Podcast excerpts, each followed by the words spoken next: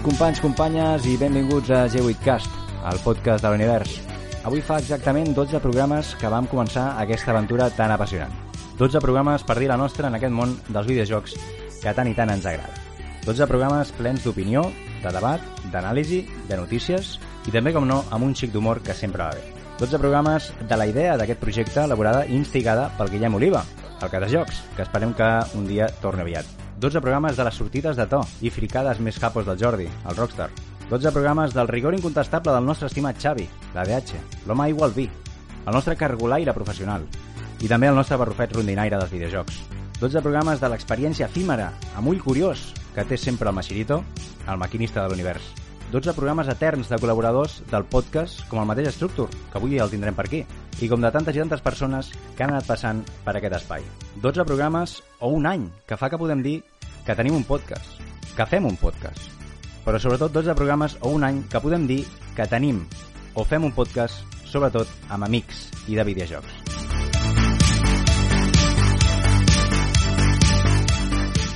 Aleshores, i per si no havia quedat clar, avui G8cast fa 12 programes o fa un any. I podem dir, per tant, que estem d'aniversari i a la vegada que fem el darrer podcast de la temporada. No em volia deixar de donar les gràcies als oients que amb l'acceptació que ha tingut el projecte ens ha donat molta força, confiança i ganes per tirar endavant. Així que, de debò, moltes, moltíssimes gràcies a tots. We don't need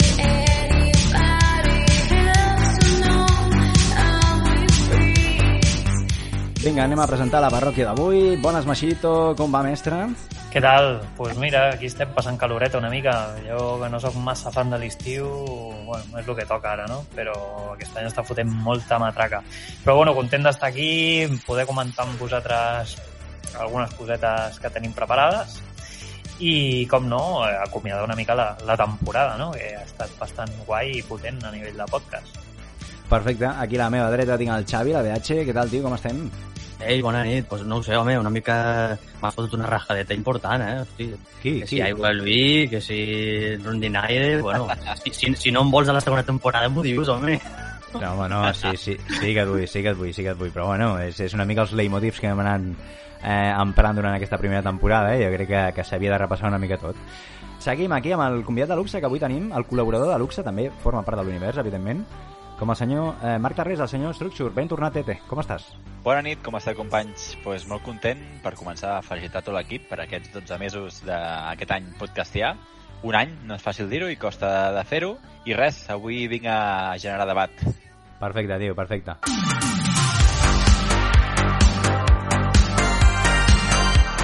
I molt bé, si ara fos un programa normal, vale? el que faria seria donar pas al Rockstar, que avui per cert no hi és, ara direm per què, eh, doncs perquè es mantés el bo i millor que tindrem avui al podcast, però com que no és un programa normal, ja que estem d'aniversari barra comiat de la primera temporada, farem el següent, vale? us explico. Cadascú porta sota el braç uns temes que jo no tinc ni idea de quins són. I anirem fent rondes fins que aquests es desvellin eh, doncs a mesura que anem fent les rondes eh, esmentades. A veure si tenim temps de fer-los eh, tots i si no, doncs farem eh, el que podrem, no hi ha més. Per tant, nois, penseu-vos-ho bé els temes que exposareu perquè potser no dona temps de fer-los tots, vale? Abans, però, eh, volíem donar veu al Rockstar, que avui no estarà entre nosaltres, vale? no perquè li hagi passat alguna cosa, sinó perquè el paio està de vacances, vale? i ens ha deixat doncs, eh, una nota de veu perquè l'escoltem i, i bueno, d'aquesta manera ell també dir la seva en aquest eh, darrer programa de la temporada. Escoltem-lo. Molt bones, univers, què tal, com esteu? Jo estic aquí, al Carib, amb unes merescudes vacances. Em sap molt de greu no poder assistir, però bueno, us vull enviar un salut igualment al Machirito, al Xavi, al Structure, al Whip, en Manu, en Frank i sobretot en tu, Jerry. No podré pilotar aquest mes, però bueno, tot i així vull demanar-vos als oients que us agradi i desitjo aquest programa també, tot i que no us pugui deleitar amb la meva presència. Val? Abans que res vull fer un petit brindis, no? perquè estic aquí al Carib i tinc una caipirinha. No? Un moment, sisplau.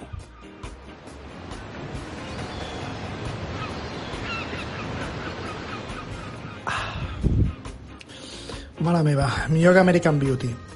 en fi, espero que us agradi els temes que avui hem preparat en el sumari i, i que un mes més ens acompanyeu i sobretot que vingueu la propera temporada ja que, bueno, a part de que tornaré, doncs tornaré amb molta empenta i amb moltes ganes. Sabeu que som un podcast de rigor, un podcast amb il·lusió, ganes, sentiment, seny i coneixements, i que, bueno, que, que us estimem, que us estimem, i que, que, que moltes gràcies per totes aquelles visualitzacions, per tots aquests oients que us escolteu al podcast, i no vull fer-me molt més pesat, però, bueno, tornaré, tornaré la batuta, no, en Geri?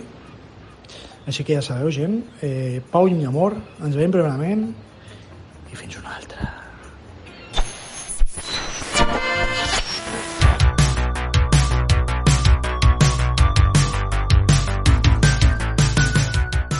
Molt bé, doncs aquest era l'àudio del Rockstar, i com ja ho sabeu, està al Carib. El tio no està passant pas malament. Eh, de fet, eh, bueno, ens ha saludat des d'allà. Fa ràbia o no, nois? Què, què en penseu? Home, s'ho mereix, no?, si està allà.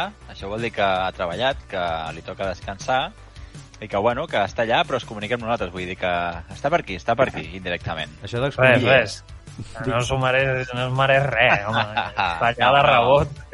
Està allà de rebot. Ha fallat a l'última cita. De rebot, està fent el guarro. I tu, eh, m'agradaria saber especialment la teva opinió, eh, Mateache, sobre el seu viatge al Carib. Què vols que diga, tio, el Rockstar? Pues què vols que diga? No sé, un Vale. fan del, dels RPGs i de Sega, pues bueno, pues clar que es mereix unes vacances, tio. Sí, Moltes perquè- gràcies, eh, tio. Hòstia, perquè Però no es dic que com hagi anat igual de blanc que l'última que el vaig veure ja es pot fotre crema, però vamos. Sí, no? Eh, Perquè allà pica el sol, allà, eh? Bueno, bueno en fi, de- deixem-nos allà si no deixem et fots de... crema... Deixem-nos d'històries de, de viatges, eh, del Rockstar, que des d'aquí li donem una forta salutació, evidentment, fora conyes. I va, comencem el podcast d'una vegada. I què us sembla si primer li dono eh, paraula al Machirito? Eh, Machirito, quin és el primer tema que ens has portat avui? Tema sorpresa, digues. Tot teu. Bueno, jo avui tinc varis, no? però anirem desgranant a mica que anem avançant. No? Eh, el primer dels temes és bueno, un tema que no he vist massa moviment, però eh, Anapurna, sabeu, aquesta editora no? que acostuma a treure eh, jocs indis, doncs va fer un showcase fa uns dies enrere. Uh -huh. Eh, bueno, va presentar uns quants jocs. M'he fet una llisteta de, de, de, lo, de lo més interessant. No sé exactament si són tots o, o no els que van presentar, perquè realment no, no vaig veure el, el directe, però sí que vaig veure els resums, no? I m'he apuntat el que, bueno, doncs, doncs més interessant. Com sabeu, el que deia, sí, són jocs indis, fins i tot alguns per mòbil, eh, molts eh, no tenen data, sinó, bueno, la, la gran majoria no tenen data de sortida. Uh -huh. Però bueno, eh, són, hòstia, són propostes bastant interessants. Eh? Algunes d'elles són el Thirsty Sweeters, ¿vale? aquí perquè us feu una idea és una espècie de persona 5, ¿vale? salvant molt les distàncies, perquè és una altra temàtica. De fet, aquí fas combats per torns contra exparelles d'una noia, que és la protagonista, Hòstia, ma mala I llet, aquí, aquest- no? sí, Una sí, mica mala correcte. aquí, eh? I, bueno, eh, un, bé, algunes bé. de les mecàniques del joc és anar amb skate per la ciutat, que és amb el que et vas movent, Vale. i fas receptes de cuina, tio, també. Eh? Té, té aquí un... I, bueno, l'estil visual és així molt com de dibuix i, bueno, eh, a nivell artístic té, té bona pinta. I, i bueno, uh, surt per, crec que quasi totes les plataformes, si no totes, sí, sí, Play 5, Play 4, Xbox Series, One, Nintendo Switch, PC, i surt el, el Game Pass, perquè, no, mm, com a detall, eh? O sigui, et dieu, Eh, eh... pas, dieu surt, o què? Eh, no sé si es diu o no. Eh, posa, té el logo de Xbox Game Pass. No sé ah, si però, diu sí, o no. pròximament a Game Pass, no entenc? Exacte, perquè no hi ha data. Meravellós. el joc no, no té data. Llavors, eh, hi ha una demo a Steam i perquè ho vulgui buscar i provar, doncs, endavant. Després, un altre que em va semblar bastant interessant és Bounty Star. Vale? Aquest és un joc d'acció en tercera persona que és a un oest del futur així ciber, cyberpunk, vale? l'estil. I, Mhm. i, bueno, és acció en tercera persona on tu montes meques. Eh? Els meques són aquests robots on tu t'hi puges a dalt i els controles. Sí, perquè jo no sabia què era. Què, què seria, com un Titanfall? perquè ens Sí, entenguem. meques, bueno, com un Gundam. Bueno, Els meques són... Eh, la paraula és... bé, Bueno, no, no sé si és originària del, del Japó, però bueno, eh, els, saps els Gundams i tots els robots i tot això que els Sí. controlen Sí, la sí, gent, Sí. els humans que s'hi foten a dintre i els Sí. controlen, doncs això Va, vale, són vale. anomenats els sigui, Una servoarmadura de, de, de Fallout. més o menys. Sí, no? Per l'estil, no? Sí, sí, sí, exacte. Sí, Vale. això seria un mecha, correcte. Sí, Vale, vale, vale. Des de, ja, al Doctor Slum també hi havia meches, ja, ja ho sabeu. Correcte, correcte, sí, sí. I a, i a Bola de Els Drac homes també. de caramel. Els homes Sí. de caramel. sí, sí. bueno, doncs, doncs aquest, el Bounty Star aquest, eh, portes això. Puges a meques i, bueno, és, és una mica shooter, així, acció en tercera persona. Té molt bona pinta, eh? A nivell artístic i visual, eh, són gràfics així com low poly, però de, més, més realistes, saps? No, no molt accentuats. I està, té, té bona pinta, té bona pinta. Després eh, vam ensenyar un altre joc que és una aventura pura narrativa, que és Hindsight, amb H, H-I-N-D, Hindsight, Ostres, i és una aventura narrativa que també surt per, per, bueno, surt per iOS, PC i Switch. Vale? És a dir, eh, a nivell d'interacció suposo que estarà molt ben adaptada per mòbil. I, i bueno, eh, res més, va sortir un tràiler, així és, és pura animació eh, i, i l'únic que han dit és que, és que és aventura narrativa. Aquest sí que té data per això. Aquest sortia el 4 d'agost, que, si no recordo malament, és demà. Mm? Ostres. Bueno, demà, eh, compte que avui nosaltres eh, estem gravant el podcast, que és dia 3. 3 d'agost. 3 d'agost, eh? Això perquè la- els oients ho sàpiguen, que diguin, hòstia, quin tio, aquest tio va, Ah, va molt desorientat. M'està enganyant, Sí. no, Joan? Doncs, eh, doncs, doncs no, doncs no. Vale, eh, molt bé, doncs bona, bona llisteta, no? Eh, coneixeu alguns... Eh, ja coneixies prèviament d'alguns títols que es- s'originessin o, o s'estrenessin? No, no, jo, jo, no, jo no estava seguint cap, però queda el plat fort, eh, que encara no l'he dit, que és Ah. el The Lost Wild. The Lost Wild és un survival horror de dinosaures. Ah, sí, sí, aquest sí que li seguia la pista, però això és d'Anapurna Ah. Showcase. És de- d'Anapurna Showcase. Però és Sí, sí, d'Anapurna, correcte. també? Sí, sí, és Anapurna, l'editora és Anapurna. El que passa que aquest Hòstia. joc és exclusiu de PC Sí, i de moment només sí. sortirà Steam, vale? De moment, en algun diuen, eh? moment de 2024. En sèrio, 2024 ens hem d'esperar? Sí. Hòstia, tio. És que hi ha una sèrie de, de survivals així que, que estic mirant, com per exemple aquest, o el Rooted, o també el, com es deia, el Before... Before, Before the Days, es deia? No sé. Que, tio, que es van allargant, es van allargant i no hi ha manera, tio. Eh, Sí, sí, sí, sí, i- és i- que aquests i- projectes... Sí, tio. Com que normalment... És una errada eh, també ensenyar-los Tant d'hora, no? Sí, sí. Exacte. És que, és, un perquè... costum que s'està agafant que, bueno, al final Ja. no saps si és positiu o negatiu. Aprofitant Totalment. la vinentesa, jo parlaré d'això avui. Ah, sí? Del, del màrqueting, no? O així, o alguna així, o què? Sí, debatrem. Debatrem avui. Debatrem, Estarà no? divertit. Debatrem, Vale. debatrem. Vinc a generar debat i opinió. Bueno, sempre, sempre, Ah. sempre és bo, sempre és bo. Sí, i eh, vale, eh, Machirito... Sí, pel que, eh, fa, digue'm, digue'm. pel que fa el, bueno, tot aquest tema del show que és d'Anapurna i, i, i, eh, van ensenyar més cosetes, eh? però bueno, no he cregut convenient esmentar perquè bueno, pot ser una d'elles que és un nou joc però és que va ser un tràiler de 30 segons on només surt un nen i un gos, no, no se sap res més ni ni res.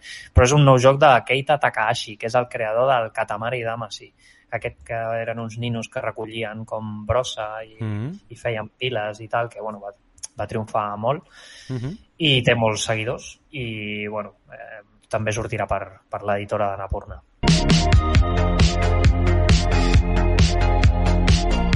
Molt bé, molt bé. Eh, doncs, eh, si, se, si us sembla, li passo la paraula al Xavi. Eh, què dius, eh, DH? Què ens tens preparats avui? Sí, pues mira, avui que és un programa més informal, voy a comentar una notícia que, pues bé, que, és una, que no, no és per debatir ni res, sinó que em va semblar interessant al seu moment, però no per portar-la al podcast a llavors, no? Llavors aprofito avui i, i la llanço, no? I Vinga. volia parlar de la, lo que és eh, la llei 08 barra 2022. Ui, ui, Vale. què vol dir això? Vol? Aquesta llei, sí, us explico, mira. Aquesta llei que entrarà en vigor el dia 2 de gener del 23, doncs és la típica, el que he dit, no? És la típica notícia que passa desapercebuda, no? Però que és interessant perquè es podrà valorar, potser segurament amb el, amb el temps, ¿vale? Amb el temps podrem valorar si realment serà una llei, eh, una bona llei o, o quedarà en l'oblit, no? Mhm. Aquesta llei, la 08 barra 2022, el que diu és que qualsevol videojoc editat a Espanya haurà de tenir una còpia dipositada en alguna de les oficines de la Biblioteca Nacional. Ojo, Val. ojo. Clar, això afecta tant a format físic com digital. Mhm. El que diu és que en cas que sigui eh, digital, Sí. el que, el que es reclama és que es porti en un format físic com ara un CD, DVD o USB. Ostres, Llavors, el, la Biblioteca Nacional crec que ja sé per on vas. des de fa un temps eh, està, fent, està en fase de recopilació. Val? Accepta donacions tant les que fan de distribuïdores com de particulars, val? per Mhm. fer una, una gran base de dades. Vale. Estan fent. Què passa? Que al seu web eh, pots accedir, no? podem accedir a un Excel on tenen registrats a dia d'avui, que he mirat, eh, 6.250 títols. Sigui, té, ells ara mateix tenen 6.250 títols a la, a la Biblioteca Nacional. Eh, el títol més vell que he ficat, eh, per, bueno, que he buscat, diguéssim, data del 1975, Ojo. que és un joc, és un joc de Spectrum, saps? Uh -huh. Val? Eh, L'enllaç, de- per, perquè li feu un cop d'ull, ja te'l passaré després i el ficarem, eh, bueno, el ficarem després a, a les xarxes socials que, Uh -huh. que la gent pugui, pugui accedir perquè és bastant curiós. Val? Sí, sí, a la descripció, sí, sí.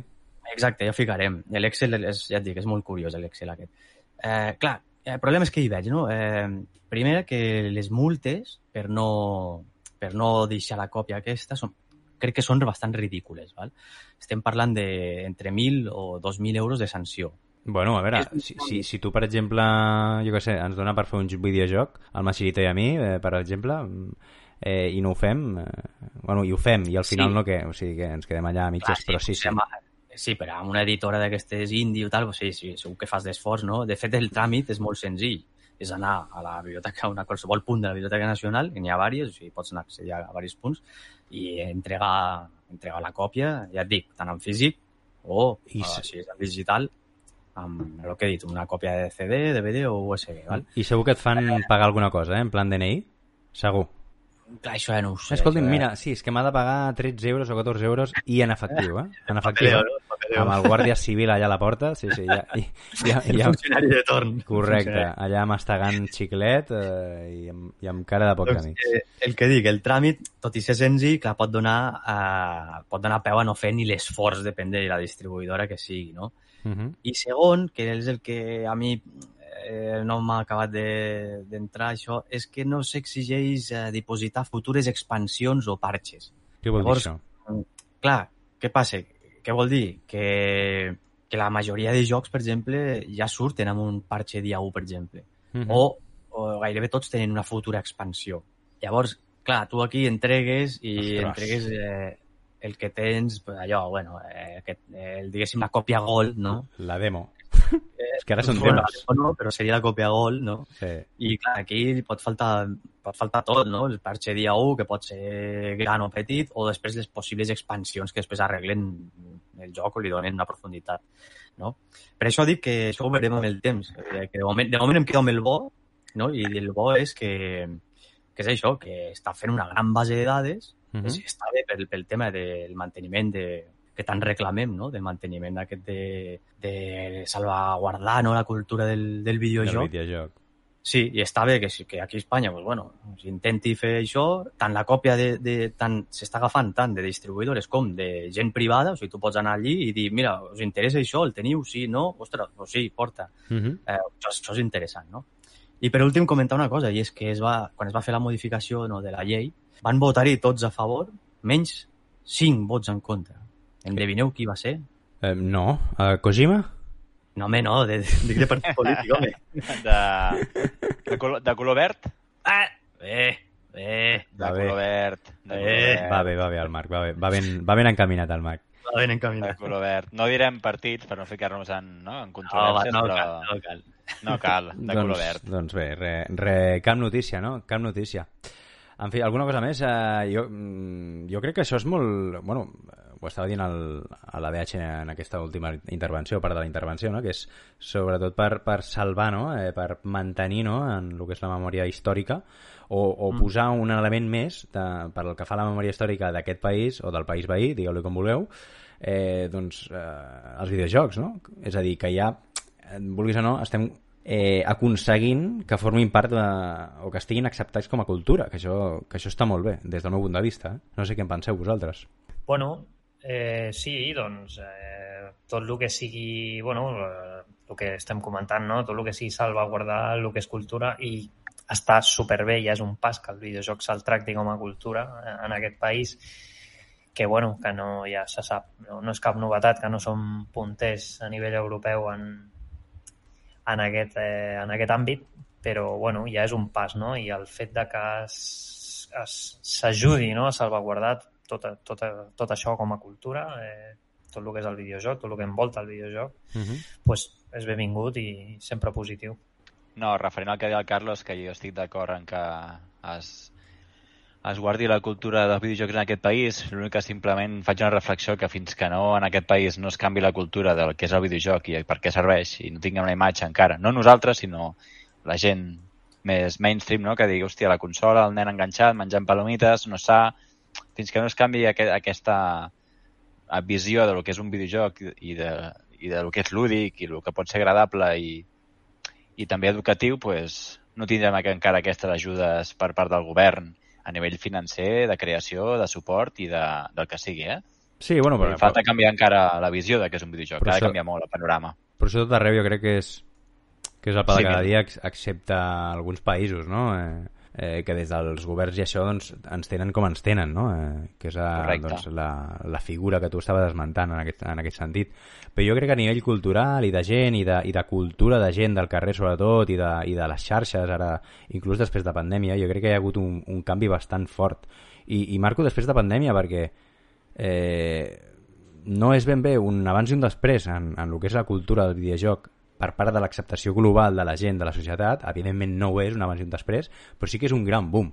Per què? Perquè la gent va estar a casa, la gent eh, s'havia d'omplir les hores com fos, es va començar a comprar consoles, es va començar a baixar jocs, es va començar a jugar a jocs al núvol, i hòstia, no? Eh, Hòstia, doncs això tampoc està tan mal, perquè, perquè en veritat tampoc està tan... O sigui, tampoc són... No sé, van, van veure que, que som, els jugadors els de videojocs són més terrenals, no? No, no, tan, no tan friquis o de manera, evidentment, eh, doncs, eh, pejorativa, no? I en aquest sentit, pues, crec que, que, que va fer una mica... Que, que mica en mica anem conscienciant també a nivell, a nivell social. També passa molt que jo crec que s'associa encara el videojoc a a una edat concreta, no? Sí, sí. I cada cop menys això està estigmatitzat, sinó ja veus la gent adulta que hòstia, doncs tu jugues, sí, jo també. No és com abans que no, no, jugaven els nens, les consoles eren dels nens i les nenes i ja està. Crec que això ja, ja han fugit d'aquest discurs, crec, que ja és un pas. No? La gent adulta també juga i hi ha jocs per tots els públics. Però Mhm. bueno, mica en mica, anem fent. Sí, sí, completa, completament d'acord.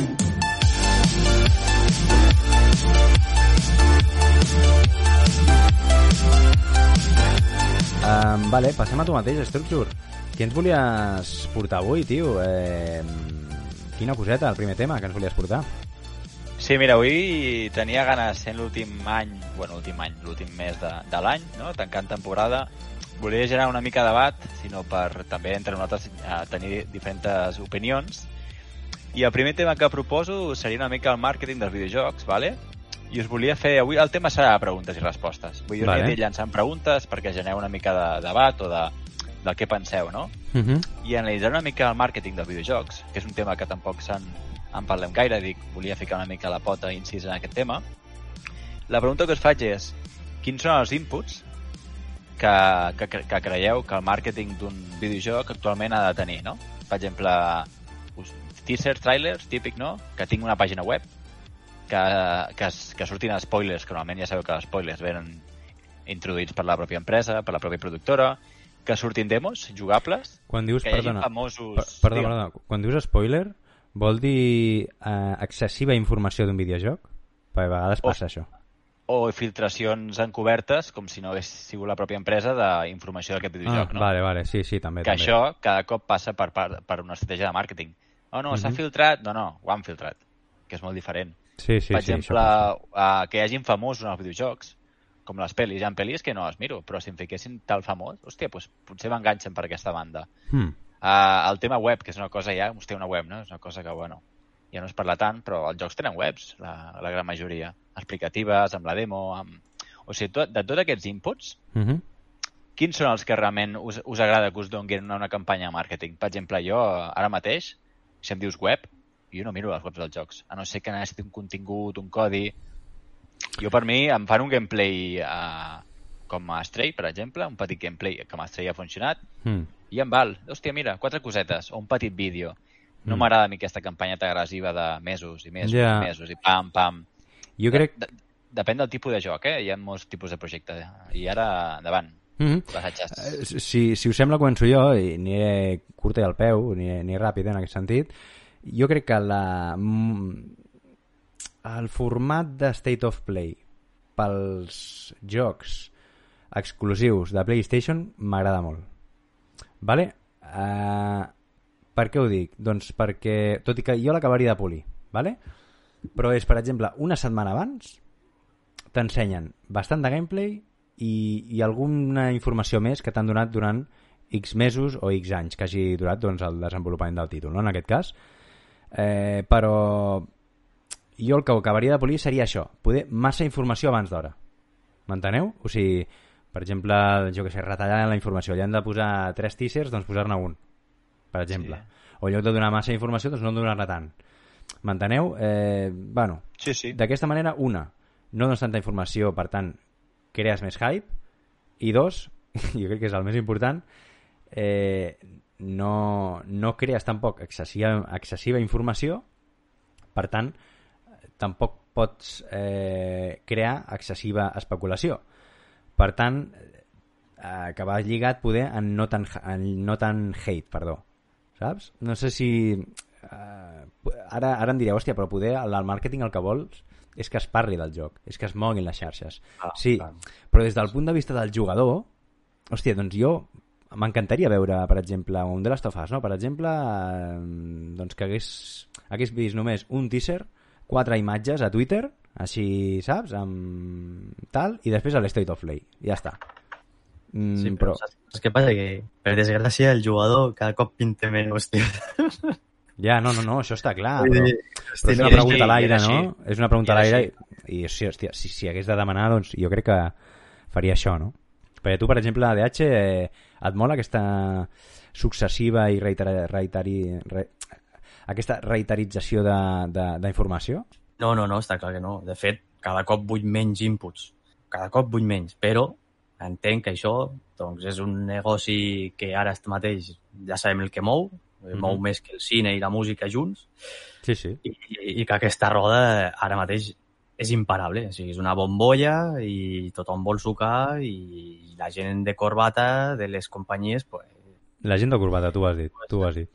Sí, clar, clar, sí, perquè no en, ten, no, no en tenen ni idea, però són els que donen les ordres. Llavors, pues, bueno, això és un no parar, tu. I fot trailers, i fot 20 trailers, i després, quan sabem que no arribarà, doncs al 24, si a casa, ja sortirà el joc. Però en altres, vinga, i propaganda, i reserves, i... Sí, sí, i aprofiten poder per colar un altre tràiler, no sé què... En fi, històries. Machirito, eh, sobre el tema, crec que ja sé per on aniràs, eh, però tot i així ens agradaria es- escoltar la teva, la teva opinió. ja saps per on aniré. Sí, perquè et conec, lladre. Eh, bueno, jo és que la sobreinformació també estic d'acord que no, no, no, no és bona. Eh? Jo intento evitar-ho. Jo, de fet, m'agrada... A mi m'agrada que m'ensenyin gameplays dels jocs. No m'agrada que em bombardegis amb, Mm. amb trailers visuals i em rebentis coses de la narrativa que no necessito saber. No sé si m'explico. Vale? Mhm. O sigui, Sí, jo sí. entenc que molts jocs ho han de fer perquè és un desenvolupament llarg i no s'arrisquen a ensenyar un gameplay fins que el gameplay no val la pena. Sí. I, bueno, i de moment pues, el que tenen, pues, cinemàtiques, tot el que mm, tots els recursos que tenen per anar generant hype, que al final tot això és, un, és generar hype. No? Eh, I jo penso que el problema és això, que et bombardegin amb informació relativa a la narrativa del joc, que bueno, eh, et pot enganxar alguna cosa o però també és perillós perquè et desvelen massa del que tu vols saber. A mi em passa en el cinema. Jo a vegades una Ara, pel·li ara. quan li tinc moltes ganes eh, eh, evito els trailers de, de les pel·lis. Sí, sí. Em passa el mateix. Jo em passa mateix, totalment d'acord. Eh, clar. Jo. Llavors, a mi el que m'interessa és un gameplay, per decidir-me si és un joc que encaixa amb el que jo necessito en aquell moment o pot agradar-me o, o, bueno, és una saga que ja conec i, eh, no sé, després em busco les castanyes també amb Twitch, no? Eh, Twitch em Sí. serveix per veure gameplays o YouTube, no? De, Ja. de wild throws o gent que Però això- l'està jugant o ja l'ha jugat. I si és... eh, Però no tens por, per exemple, si és un títol amb narrativa potent, menjar-te algunes coses? Bueno, sí, però perquè jo t'estic parlant... Bueno, jo, mm, jo no em tiro hores, a, per exemple, amb un Twitch mirant un paio com juga. Jo m'ho miro durant 5 minuts. Ja, i entenc. selecciono el vídeo que sé que està en meitat d'un gameplay que, que, vamos, que ho faig servir a, a moda de tràiler, saps? O Sí, sigui, sí. tràiler gameplay. Eh, que després tenim un altre que, que el Marc no ho ha esmentat, no? que hi ha maneres de fer arribar a la publi dels jocs, n'hi ha moltes, eh? però hi ha una que a mi no m'agrada i és la que possiblement més s'estili i no, el que deia no, no ho ha esmentat, que és el tema de les reviews a blogs i pàgines de, de videojocs. Mhm. L'opinió periodística. Sí, hi ha algunes que estan sponsoritzades, bueno, el típic, no? El típic que, bueno, que si està pagat, que si no sé Sí, què... Que, les influències. Eh, exacte. d'influències. Però, bueno, sigui real o no, eh, jo penso que fa mal, eh, això, perquè ja mm, incita molta... O sigui, no, no sé com dir-vos, ja, ja predisposa la gent a, a... Saps, quan un joc té un 9, un 10, vale, collonut però ara estem acostumats a que si ja no té eh, un 8 cap amunt, ja no és un bon joc o és mediocre, un 7 i mig. No sé, suposo que us heu trobat amb aquesta situació. Sí. Jo, jo això no li faig ni, ni puto cas, però hi ha molta gent que sí li fot cas. Hi ha gent que veu un joc que té un 7 i diu, hòstia, doncs ja no és tan pepino com jo pensava que era, saps? I ja, Mm. bueno, és com, bueno, quan, pues, quan baixi ja me'l jugaré, saps? Mm. Ostres, jo penso que això també s'ha d'agafar amb pinces, eh? Per sort, avui en dia, gràcies a internet, tenim un ventall de... Per exemple, el que deia també el Marc, el tema de les webs. Jo les webs no, no només les foto servir si em vull inscriure, jo que sé, hi ha una a la beta, saps? I puc Sí. sí. fotre el meu e-mail i que m'enviïn informació si és un joc que, que, vamos, que sóc mega fan i m'interessa molt, que ho he fet, eh? però no sé, jo sóc molt de que necessito trailers de gameplays però informació molt puntual però sí, és una indústria que veu massa del hype i necessita generar massa hype i a vegades és contraproduent Sí, a nivell de jugador, evidentment, és, és, és contraproduent, però clar, eh, arriba un punt que veuen que tal cosa funciona tant a nivell econòmic, el que deia de DH, doncs que al final doncs acaben tirant tots cap allà, no? Una altra cosa també volia dir sobre el tema de, dels gameplays i, i tal, perquè, clar, jo és que sóc molt... No sóc que sigui anti-spoilers, no sóc eh, un, un extremista dels anti-spoilers, vale? però sí que, per exemple, jo m'agrada veure gameplay d'un joc, vale? Però tampoc en accés, perquè jo penso també, des del meu punt de vista, potser estaré equivocat i molta gent podria dir, hòstia, però què diu aquest tio, saps? No té ni puta idea. Eh, perdó per l'expressió. Eh, estem aquí en horari una mica sèrio, eh? però bueno. Eh, doncs, doncs per mi, un accés de gameplay, depèn de quines mecàniques siguin, doncs ja és un, un spoiler. Ma, o sigui, m'explico. O sigui, arriba un punt, no sé si heu jugat God of War, vale? arriba un punt, eh, a l'últim, eh, el de Santa Mònica. Eh, doncs arriba un punt que tu adquireixes unes mecàniques que et canvien completament el gameplay, vale? del Kratos. O sigui, si hi ha un gameplay d'allò, per exemple, i prèviament un, game, un gameplay que hagis tu vist normal, doncs per mi, hòstia, per mi és un spoiler de la hòstia. Per tant, sí els gameplays, vale? de prova, de, de, de, de trailers, els trailers gameplays que es diuen, però no en accés. M'enteneu? Per tant, doncs, doncs em, quedaria, em quedaria aquí. Eh, ADH, digue'm. una, una cosa bona que teníem a la, a, a, en aquest sector eh, eren les, les demos. Les demos. Les demos Sí. anaven, anaven, anaven de meravella quan t'ho portaven a la Hòstia, revista. sí, a la revista, tio. Sí, ah, eh, hòstia, que interessant, el CD allà enganxat. Eh, clar, i això anava fantàstic perquè podies, tenies un tastet de, de, del gameplay, tenies un tastet de, de lo que era el joc eh, gràficament, si t'agradava, si no, la mecànica, una mica, tot, tot plegat, no? I s'ho van carregar, tio, s'ho van carregar, i no només això, sinó que ara han tornat, o estan tornant, però, eh, tocotó, eh? O sigui, pagant a sobre, ara Sí, has de sí. pagar les demos. Home, Tio, una, una vergonya, tio. I després, respecte a... Ah, no, m'ha fet gràcia que, que mm, respecte a aquest tema que deia el, el Marc de, del, mer, del merchandising i tot això, eh, podríem dir que l'exemple número 1, que sempre traiem en aquest podcast, per cert, podria ser Cyberpunk, no? O sigui, sí, totalment, totalment. és el número 1, és el número 1. Són I anys, de hype, anys de vídeos, eh, el, el famós típic, que era el Keanu Reeves, no? O sigui, tenia tot, la música, tot espectacular. I Per cert- com... Per cert, l'has jugat ja o no? No, no l'he jugat, no l'he jugat. Ah, Eh, crec, crec que el podré començar aquest any, crec, perquè tinc la llista de jocs. tens una bona llista, no? I ara han acabat? Una bona llista, tinc una bona llista. I, però crec que sí, que podré començar ara que ja el, el patch de PS5 i tot ja acabadet, doncs crec que l'iniciaré, eh? A veure, no sé quan, però a final d'any potser, però... Guai, guai, guai, tio. Ara que dius això del Cyberpunk, tio, aquests dies a les xarxes corre un, un vídeo d'un d'un bugarraco extraordinari de, de Cyberpunk en la versió Uau. PlayStation 5. Molt bo, eh? Jo el vaig El retuitar, el vaig retuitar ahir, és, crec. és brutal. El, el, posarem a, el posarem a la descripció aquí baix i tal, perquè realment és, és brutal. No, no sé qui és l'autor de, de, de la pujada d'aquest vídeo, però ha tingut milers i milers de visites. És, és que és, és algo que, que no sé, mai havia vist un, un book tan No, no, heavy. surt com, amb, com un magasero per allà Sí, i agafa el cotxe i el Sí, rebenta. És, és, és, és guai, o sigui, mola de veure. O sigui, a mi m'agradaria que un dia em passés això. Saps? Evidentment que no em fotés la partida, però que em passés. Ho vull veure, ho vull, ho vull viure, no? En aquest sentit. Eh, Marcus, Structure, digue'm, què tens més cosetes, no, per aquí? Sí, no, eh, a la meva opinió estic d'acord amb, amb, el que, amb el que hem parlat. Vull dir, ja, ja era parlar una mica d'això i estem bàsicament per, per reafirmar que el mercat no és que nosaltres pensem així com a grup, sinó que realment al mercat estan passant aquestes coses. Hi ha una sobreinformació i a mi també em molesta. No, no perquè hi hagi sobreinformació d'un producte, sinó perquè la, la sobreinformació em desveli detalls que jo realment vull descobrir jugant. I això em passa amb el cine i amb altres coses. Mm. Hi ha mani manipulació de mitjans, filtracions narratives o de, com deies tu, no? d'habilitats. Uh -huh. Uh, jo entenc que surti Ken Reeves a la portada, que el vegis mil cops abans de jugar al joc, però antigament t'ho feien, no et deien res, i estaves jugant i dius, hola, Ken Reeves al joc. Trucaves al teu col·lega, juga aquest joc. Que Ken Clar. Reeves, per dir alguna cosa. Això era molt maco. Això és Ara és, ara, ara és impossible. Amb les Tot això és impossible. tio. És tot ja, ja, ja, ara mateix ho, tenim tot eh, quan sí, té, té, volem. té. Mira, mira, quan passi el joc... És que estic, estic, crec que amb el temps veurem que explicaran al final del joc. Aquest joc acaba així. Sí. I tu diràs, hòstia, Al final és així, l'únic que perquè- l'has de jugar. Sí, hòstia, doncs vull veure com acaba. Sí, Però sí. potser no és així. Acabarem aquest punt, i, aquest punt és molt prostituïble, i no agrada. Però bueno, els jugadors, que- com, com diu a la DH, som els que sortim perdent. I té tota la raó. Però bueno, vivim en altres mons, no? En altres uh, eres, i ens haurem de menjar. Uh, hi ha coses bones també, evidentment, les hem de comentar, però bueno, una mica les conclusions que volia treure de, de tot plegat. Sí, sí, i, i molt, molt interessant.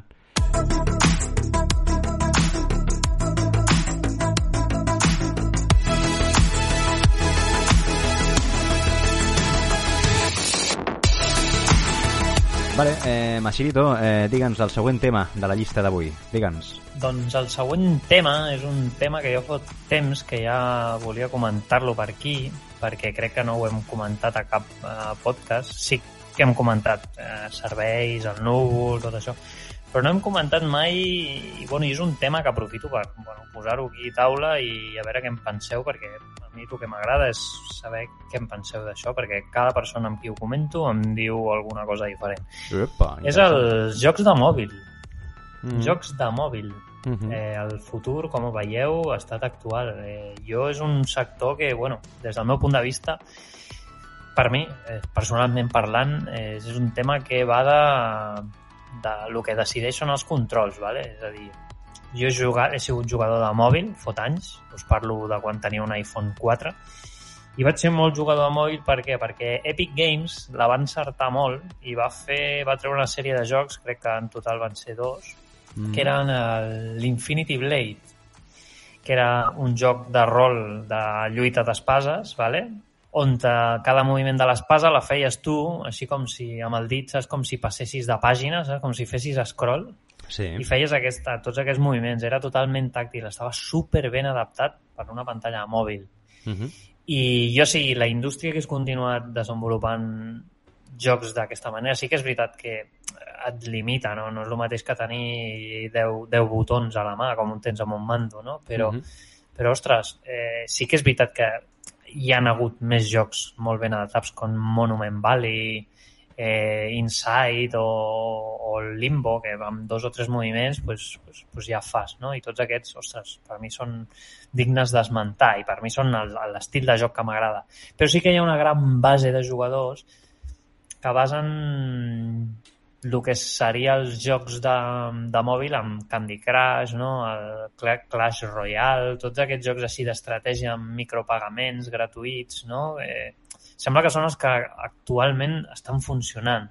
Mhm. Perquè jo, sincerament, el que deia abans, per mi és decisiu el control. I jo si haig d'emportar-me un adaptador d'aquests per enxufar-li al mòbil, eh, per això, no sé, per això m'emporto la Switch, no sé com dir-vos, o qualsevol altre portàtil. Sí.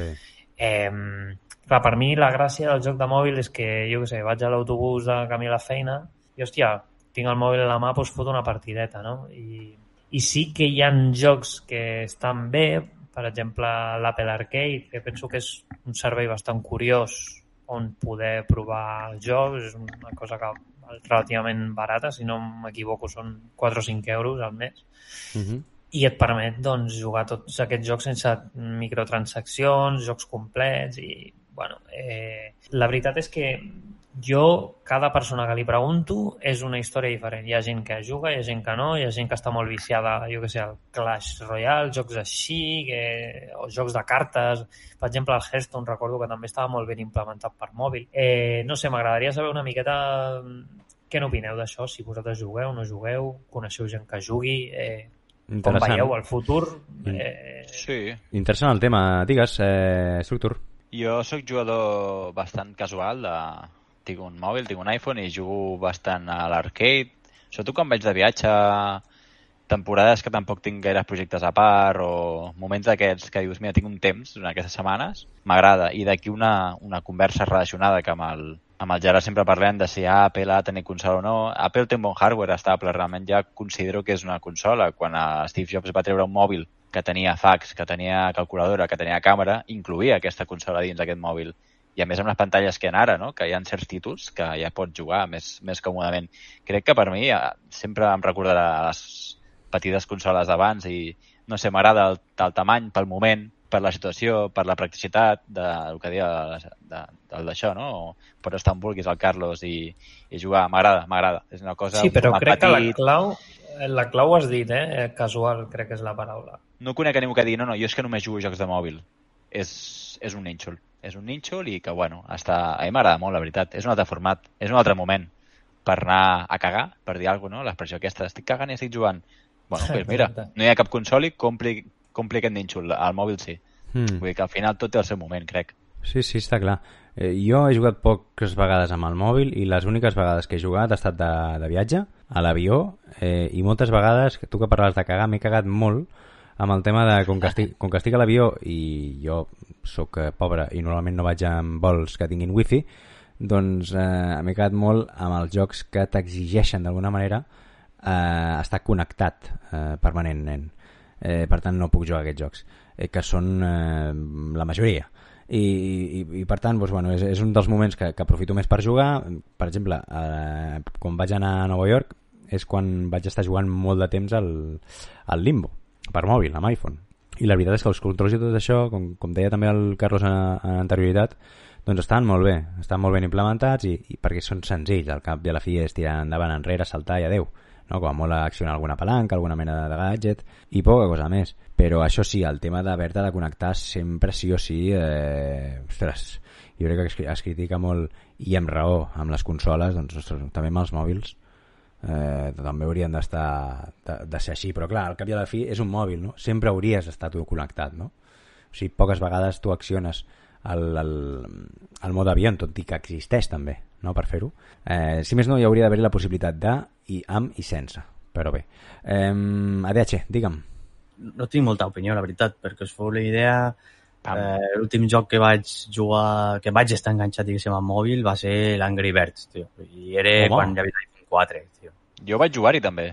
I és un joc molt Sí, divertit. és, és l'únic que, sí, eh, és l'únic que, em vaig, que em vaig enganxar, que va ser l'1, el 2 i el i aquell de la pel·lícula, que o sigui, tenia els tres instal·lats, recordo, Home, però me, me va fundir la bateria del, de l'iPhone 4, o sigui, però fundir, o sigui, la va destrossar, i, i la veritat és que estava una rucada, tio. de, des d'aquí eh, una abraçada a Steve Jobs and Company, que en pau descansi. Però descans. En fi, no, no, ho dic perquè, bueno, no, pensava que anaves a, a tissar d'alguna manera els d'Apple, veig que no ho has fet. No, no, perquè la culpa és meva, tio. O sigui, no parava, no parava. El Vale, joc vale, aquell... vale. El mòbil anava calent tot el dia, tio. El mòbil estava, una temperatura... És que com que ja sabem del peu que calces a lladre, doncs, doncs bé, No, home, El mòbil anava calent, tio, el tio. calant tot, calant tot. En fi, Total, que, que no, jo que trobo una rucada. El mòbil a mi és que no m'ha agradat mai, tio, i ja està. I No ho trobes, no? No trobes el moment, eh? L'iPad, sí, eh? Ojo, l'iPad sí. Sí, però és diferent, eh? L'iPad És ja li pots en fotre, ja li pots fotre el mando, eh, Exacte, pots posar més còmode, sí, sí, és una altra Allí sí que ja és un altre tema, però és com, seria un altre tema. Però el que és el mòbil, no, no entenc la gent que pot jugar al mòbil, tio, no ho sé, és que trobo... Sí. Bueno, Nintendo ha trobat el seu... Nintendo va treure el Mario Run, el Mario Kart... Sí, eh, ha trobat sí, el sí. seu d'allò, sí, Bueno, el Mario Run... Sí, el Mario Run és veritat, que el primer era gratis, la primera pantalla, i després te l'havies de comprar. I després Ah, te vam- Ostres, que cabrons. Sí, Que gran. Sí, sí. Parlant de màrqueting, també va per Bueno. allà la cosa. sí bueno, està bé, seria com una mena de, de demo, no, també? Sí, gratuïta, que és el que dèiem, no? Que, perquè les fem pagant algunes. Això sí, hauries d'estar connectat, eh, a internet. Ho sé perquè vaig pujar a l'avió i vaig dir, vale, seguim. Doncs no, porta els morros. En, en fi, Sí, era, era, era això. I, per exemple, un mòbil no és, no és una consola, no està destinada a allò. Pots fer-ho, però no està destinada a allò. Eh, hi ha els pads, no? Aquests pads que et compres i fiques una a cada banda dels mòbils i pots convertir-ho en una consola. Per mi aquesta seria la diferència. sí, que, bueno, que per de- cert, eh, al final te portes una Switch, ja, és que al final, entre tant Sí. aparato i tant adaptador... Exacte. Sí, te l'emportes, però no l'has de comprar. Vull dir que un parell de pads, si ets jugador ocasional, jo no els he provat, eh? Els de l'iPhone no sé si n'hi ha, crec que sí. Però, hòstia, portes un parell de pads de viatge que només els fiques al mòbil, els connectes i, hòstia, ja tens Bueno, els gatillos. Vull dir ara- que està, i crec que aquest gadget està superbé. ara ha sortit el gadget aquest per la PlayStation 5, no? Quin és? Desconec. Correcte. Sí, sí, el, el back, Backbone, no? El, Backbone, que sí. Fa, bueno, és una empresa que fa... Que fa coses d'aquestes, sí. Desenvolupa, desenvolupa això, hardware per o sigui, adaptadors d'aquest d'aquest tipus i ara ha fet una edició, ha fet un partnership amb, amb Sony i han fet l'edició de PlayStation així blanquet i tal, Mm, bueno, per jugar bueno, al, al remote i tot, bueno, les coses de, de Sony. Sí. Ah, No. però pel, per dispositius mòbils, eh? Esteu parlant? Ah, Sí. sí, sí imatges. Sí, sí, sí, sí, Vale, eh, vale, vale. s'acopla al mòbil i te permet controlar el mòbil amb com si portessis un mando. Però Crec bueno, jo vaig amb la línia de, de lo que comentava jo abans i ha tornat a dir la DH. O sigui, jo per, per fer això m'emporto una consola portàtil. Ja. Sí, però poder... Quan val això, per exemple? Però ja no és el que valgui, és portar-ho a la motxilla, haver-t'ho de fotre, Home, haver de calçar el mòbil allà... No, és- jo, Jo em crec que sí que és el que val, no? per jugar amb jocs de mòbil és, si, és que tu agafis el mòbil i amb una sola mà ja puguis jugar. Mm, miau, no sé. Jo, jo ho veig així, tio. Són perfils, són perfils. Sí, és que és això. Un perfil més, gay, Jo més gamer, tu Correcte. pensaràs, hòstia, la consola portàtil. Jo que no sóc un perfil tan gamer, no dedico tantes hores, no penso, hòstia, la... d'això et dic, hòstia, el mòbil. O poder no no destinar... en jugar, sí. Poder no destines uns, uns, uns diners, per exemple, tu, Marc, a comprar-te una Switch, saps? Que pot, ser, que pot ser portàtil tranquil·lament. Sinó que diràs, mira, poder, per el preu que em costen aquests Joy-Cons, me'ls pillo, que són compatibles perfectament amb la consola que també tinc a casa al saló, i goita tu, i avall. No vull avall, que, sí. que, que són perfils, també, eh? Vull dir, Són perfils, són no perfils. sé, no sé. En, ca, en canvi, entenc perfectament el perfil que pugui tenir la DH i el, i el, i el Machito, també. Que és Correcte, com, hòstia, tinc, un- tinc, una, tinc un cony de portàtil a casa de puta mare, me l'enduc. O sigui, no em serveix de res, saps? Amb aquests Joy-Cons no, no els faré servir.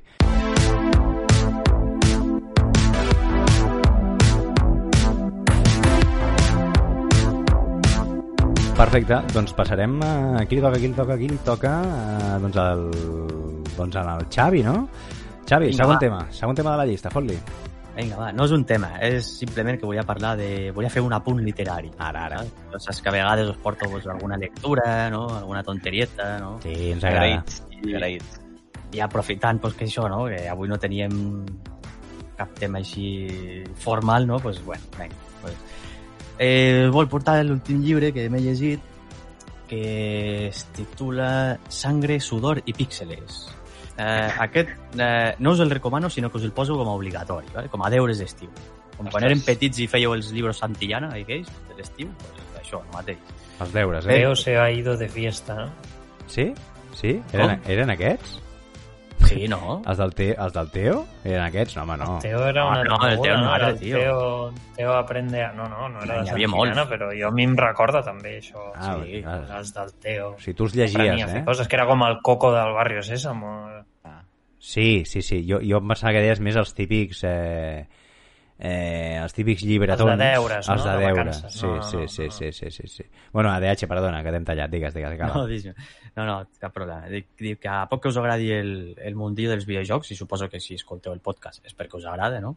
Aquest llibre és imprescindible. L'escriu, com hem dit, el Jason Schreier, que de ben segur que el coneixeu, ja que és un insider eh, molt conegut, que els últims anys acostuma a destapar moltes, moltes coses. Uh -huh. Eh, segur que molts el seguiu per, seguiu per Twitter, eh, que port, ja que porta molts anys al sector i ha treballat amb llocs com eh, Edge, eh, Eurogamer, Kotaku o Bloomberg. I eh, durant aquests anys eh, va poder conèixer doncs, molta gent del sector i sap moure's molt per, per el, pel mundillo, no? Uh -huh. Doncs bé, el llibre és un recull dels mal de caps que suposa treure un joc. Val? Eh, l'est- està estructurat de, de, tal, de tal forma que cada capítol del llibre és un joc el qual ell va poder eh, conèixer de primera mà, ja sigui per, eh, a través del creador o a través d'informació i entrevistes que ha pogut fer eh, posterior. Val? Tenim, per exemple, capítols de Stardew Valley, capítol Ah. del Destiny, de l'Uncharted eh, 4, del Halo Wars, eh, Hòstia. entre altres, eh? Vull dir, n'hi ha, n'hi ha bastants. Eh? I eh, on explica en detall què va ocórrer en cada cas. Tenim des de problemes econòmics a dat, eh, dates impossibles de llançament, ansietat dels creadors, llicències, problemes de llicències, i en alguns casos una mica de tot, saps? una mica de tot plegat, Mhm. pues bé, pues vinga, saps? Eh, no el podreu, és un llibre que no podreu parar de, de llegir un cop el comenceu. A mi em va durar tot just un cap de setmana. Hòstia. El teniu per 20 eurets, o sigui, baratillo, saps? Uh -huh. I eh, aquí a Espanya el publica eh, Héroes de Papel, que per cert també són els que portaran eh, el llibre de Reggie Fields, que és el, de, el que va ser president de, de Nintendo Amèrica, Uh -huh. El i Regi. que també... Sí, el Reggie, el nostre amic, no? Sí, sí. i que també diuen que han, han tret algun extracte de la versió anglesa i tal, i també és, però és un llibre que promet molt, saps? I no res, volia explicar això, no? Que si tingueu, que ho tingueu en compte, que si voleu anar de viatge o ara les vacances, no? Estar tranquils al poble, el que sigui, doncs per 20 eurets teniu aquest llibre que, de veritat, és imprescindible per entendre moltes coses, eh? Molt bé, eh, Xavi, doncs després eh, d'escoltar aquesta recomanació i sobretot aquests, eh, aquestes èpoques de, de l'any, que com ha dit ens anem de, de vacances i tenim més temps lliure de, de lo habitual, doncs és perfecta aquesta recomanació eh, del senyor Jason Schreier, el, el periodista de Bloomberg, doncs aquest llibre que ha tret. Eh, Structure, següent tema, fot-li. Allà vaig. Vinga, va, anem a per l'última pregunta de la nit. Què seria sobre el tema de tecnologia? Us pregunto que quines són les tecnologies que heu notat amb més millora aquests últims 10 anys, vale? aquesta última dècada, o coses que creu que encara s'han de millorar, que us flequen o que us molesten o que a vegades dius, ostres, molt d'aquí i poc d'allà, no? Tema físiques, moviment de personatges, simulacions de jocs, gravetats, eh, tip, tipus de narratives, perquè la narrativa no és una cosa que s'escriu, sinó que es pot dissenyar, temes auditius, el realisme, mons oberts, repetitius...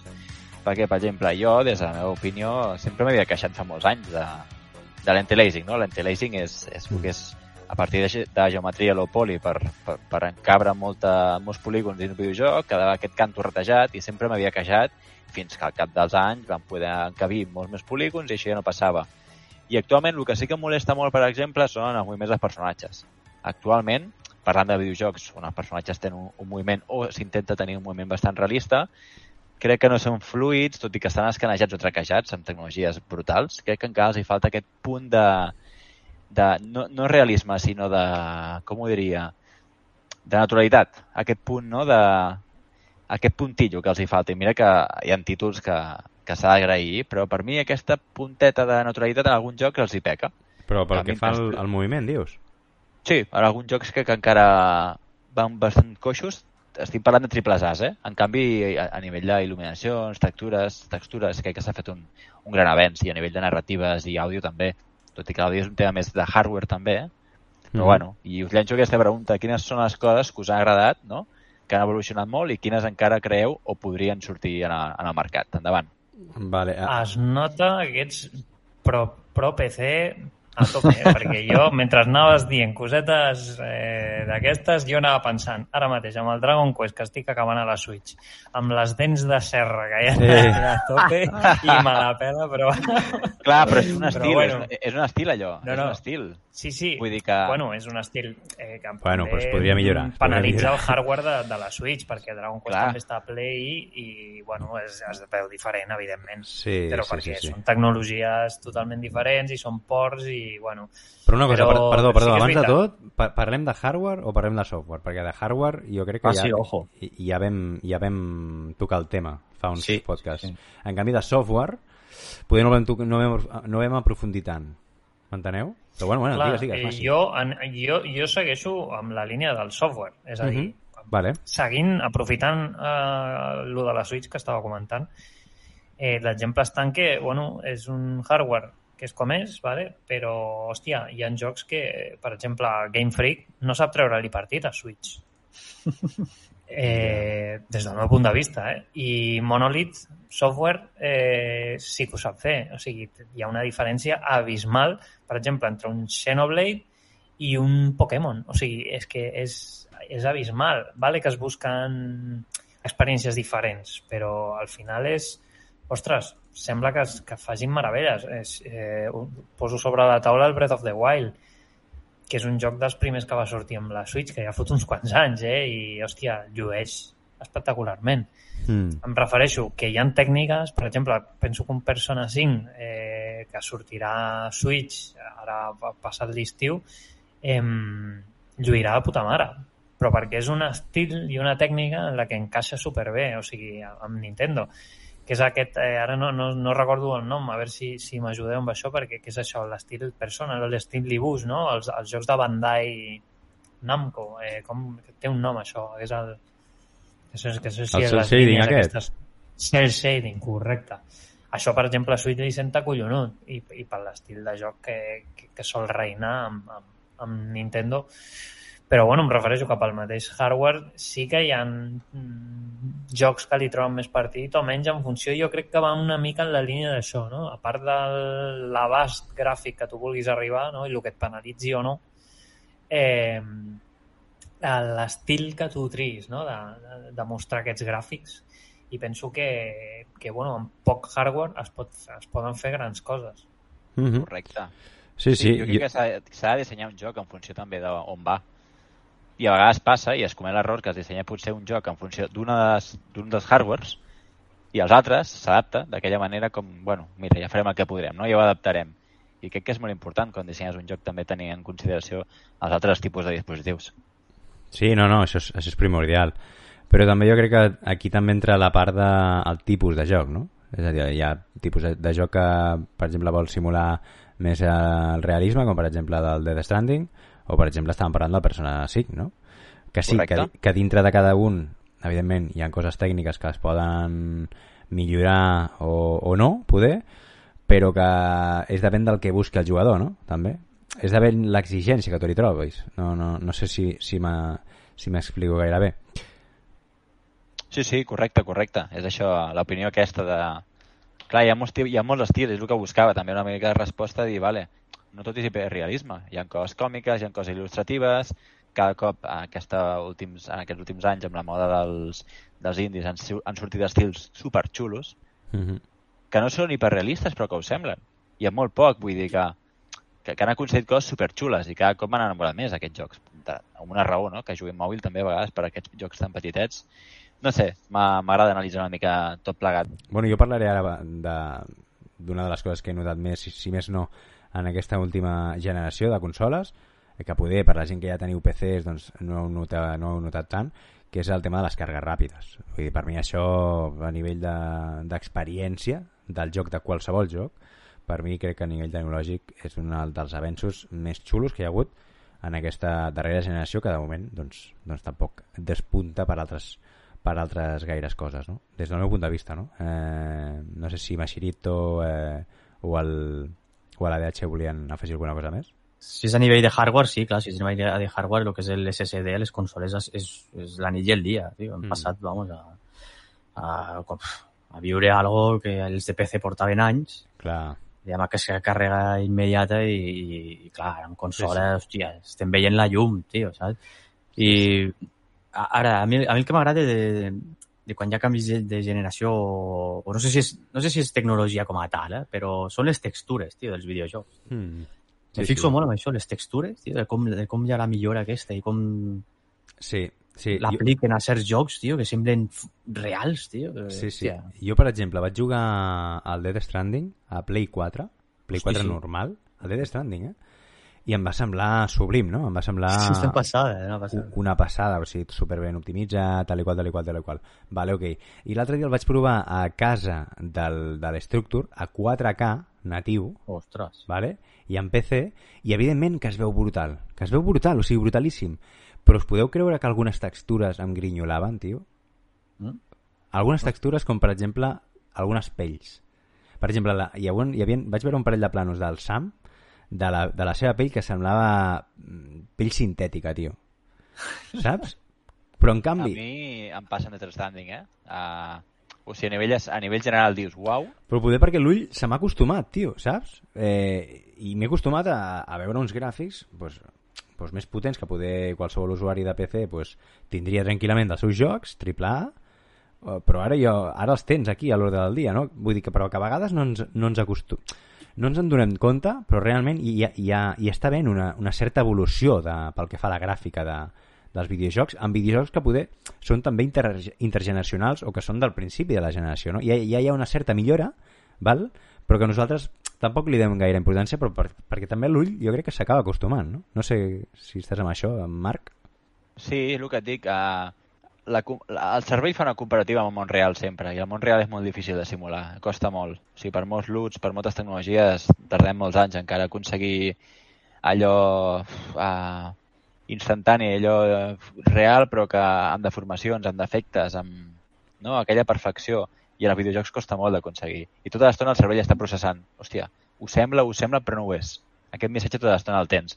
I amb els anys ha millorat molt, i crec que la llum és una de les principals tecnologies que ha millorat molt, però encara costarà, encara costarà. A mi em passa, eh, el que has comentat amb Death Stranding, s'intenta fer tan bé, tan perfecte tot, que hi ha moltes coses que ballen. I això passa en molts, en molts videojocs, que a vegades dius, hòstia, han ficat aquest cotxe al tràiler, a la cinemàtica, i serà com l'objecte del joc. A tot l'altre, uf. Llavors, clar, crec que s'ha de trobar un equilibri també, a vegades. Sí, sí, però ja, ja et dic, eh, perquè si... En canvi, quan jo estava jugant en Play 4, o sigui, ho veia brutal, i que realment és, és un nivell molt alt de Death Stranding, eh? O sigui, no l'estic rajant ni molt menys, ni estic aquí, mira aquest tio, no? Que Sembla que estigui, mira aquest tio, però què es pensa, què juga aquest tio, saps? O que és, és un entès. No, no, contrari, totalment al contrari. Però, però és la, la sensació que, que, que vaig tenir l'altre dia, tio, que sí, hòstia, per exemple, jo que sé, la profunditat de camp doncs, es, es va notar molt, eh, doncs jo que sé, eh, les textures també de la herba i de la, de la suavitat també, de, de, les, de la vegetació, es, es notava molt bé, els colors també eren molt guais, no sé, tot, tot estava tot estava molt, molt guai.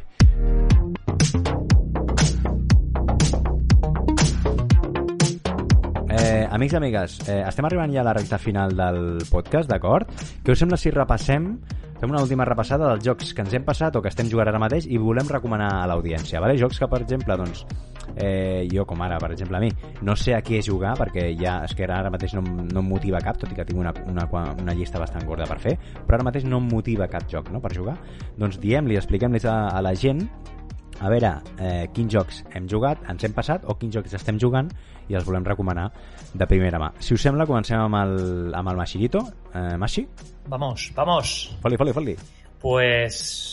Eh, sí, jo tinc uns, jo tinc uns quants que m'he anat passant, sobretot, el, bueno, alguns d'ells són de curteta durada, amb els que recomano En tens molts Un no? d'ells és el Tur Tortugues Ninja Home, home, home. de Home! Revenge, eh? Ja aquí. Aquest, vamos, vamos, això és... Vamos, és una oda al Turtles in Time de Super Nintendo. És brutal. A més, pots jugar amb el mestre Estallicó. Ara, Ostres. ara, ara, ara.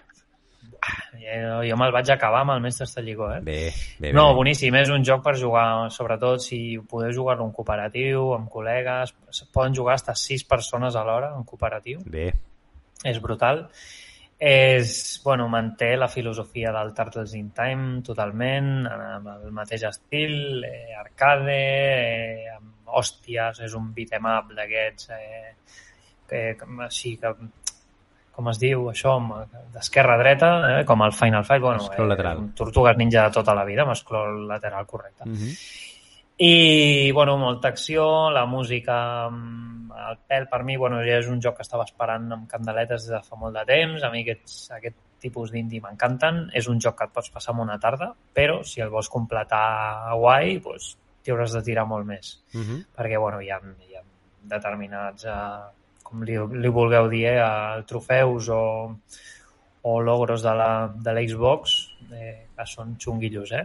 Però bueno, està, està molt xulo, és un joc eh, molt livià, eh, molt casual, que bueno, si li fots a la dificultat alta ja pot començar a ser un repte bastant fotut, eh? També us ho dic. Perfecte, perfecte. Eh, per cert, dit també que està a Game Pass i que fa poc ha sortit la seva versió aquesta de col·leccionista, no? Físic, no? L'especial, sí, sí. Aquesta, aquesta. Vale, doncs si us sembla anem fent així una mica picadet al tema. ADH, eh, quin tema, quin eh, joc em recomanes o que hagis jugat i volies destacar-lo? Bueno, jo he acabat, si, si voleu ho comento, Sí. eh, Elden Ring. Home, per favor, Ostres, per favor. Fot-li, fot-li, fot-li. Ara fora conyes. A veure, eh, que estem, estem una mica tontos, eh? És que, clar, la gent no sap que gravem aquestes coses a... Pràcticament són la, les 12 de la matinada, no, ja? Eh, i, i estem una mica... De, bueno, que, que ja no sabem ni on estem. Digues, digues, Xavi, Elden Ring. A veure, és el, res... sí, és el resum més difícil que he fet, eh, bàsicament, perquè l'he fet tres cops, tio. és a dir, el vaig fer quan, el... quan tu, Gerard, eh, Sí. em vas demanar que fes les primeres impressions, val? Mhm. tot just portava 20 hores. Vale. Després el vaig modificar quan portava 60 hores i Hòstia. finalment l'he canviat al finalitzar-lo i platinar-lo, ¿vale? L'has platinat? Sí, sí, l'he platinat al final. La platinat. mare que el va parir. I quantes hores t'ha portat? Eh, 130. Bueno. 133, 130, 130. Bueno, bueno, bueno, bueno, bueno. Bé, bé, bé, bé. Eh, abans, de, abans de res, eh, la meva opinió és d'algú que mai ha jugat a, havia jugat a un joc Souls, eh? ni Dark Souls 1, ni 2, 3, ni Bloodborne, ni Sekiro, ni similars, de From Software. Uh -huh. És a dir, com a molt, i salvant molt les distàncies, eh, m'havia passat el Hollow Knight, ¿vale? o sigui, però ja està. ¿vale? Home, Déu-n'hi-do. Eh... Eh, llavors, jo diré les coses que sento com amateur en un joc de From. Uh -huh. val?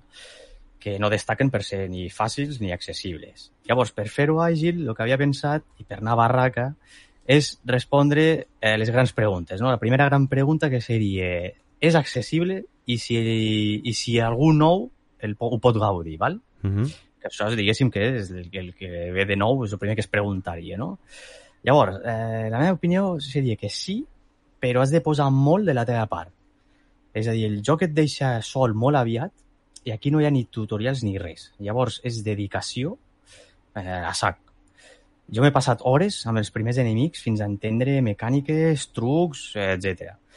Però un cop saps això, eh, et fas amb unes mecàniques, algunes bones, altres anacròniques, eh? veus que el joc també ajuda molt. El tema de les invocacions, per exemple, eh, està fins i tot algo trencat. Oh. I eh, permet una ajuda eh, important en els moments més difícils, el tema d'invocar això. Eh, fins i tot a, a gairebé tots els enemics finals pots utilitzar això. Eh, després hi ha el, el, el cavall, diguéssim, les cendres que pots ficar a cada arma i certs objectes que faciliten molt les coses eh, durant el joc. Uh -huh. Però repeteixo, hi has de dedicar molt temps a estudiar-ho tot i saber com funciona. Vale. Eh, a més, l'avantatge més gran i a la vegada la cosa més negativa, després ho explicaré, d'Elden Ring és el món obert. Que si una cosa ho veus difícil o no tens surts, doncs tu agafes i tens mil camins alternatius on pots Mm. pujar de nivell i obtindràs nous objectes. Vale. Llavors, per què dic que el món obert és negatiu? Doncs perquè el joc es torna avorrit i es fa pesat. Ja està. Vull dir, les coses com són. Ja ho he dit. Eh, eh, sí, no, no, després ja raja. ho explicaré més, una mica més d'esto, però bueno, el que és el món obert es fa pesat, es fa pesat. El, el que m'he trobat és, és que fins les primeres 60 hores Elden Ring aguanta com un campió, les coses com són. Ah, està molt bé, doncs. No, no, és veritat. De fet, la proposta està molt bé perquè no, no et tracta com un ruc el joc, i això està molt bé avui dia. No tens indicadors més enllà de, dels que tu pots posar, no tens el ves de punt A a punt B, no tens NPCs que et diuen que has de fer com un robot. Eh, de fet, fins i tot les, les quests que et proposa el joc són un embolic de mil dimonis, vull dir que és difícil de seguir si no vas apuntant les coses, com se feia Abans. no? Sí, sí, amb una llibreta, tal qual.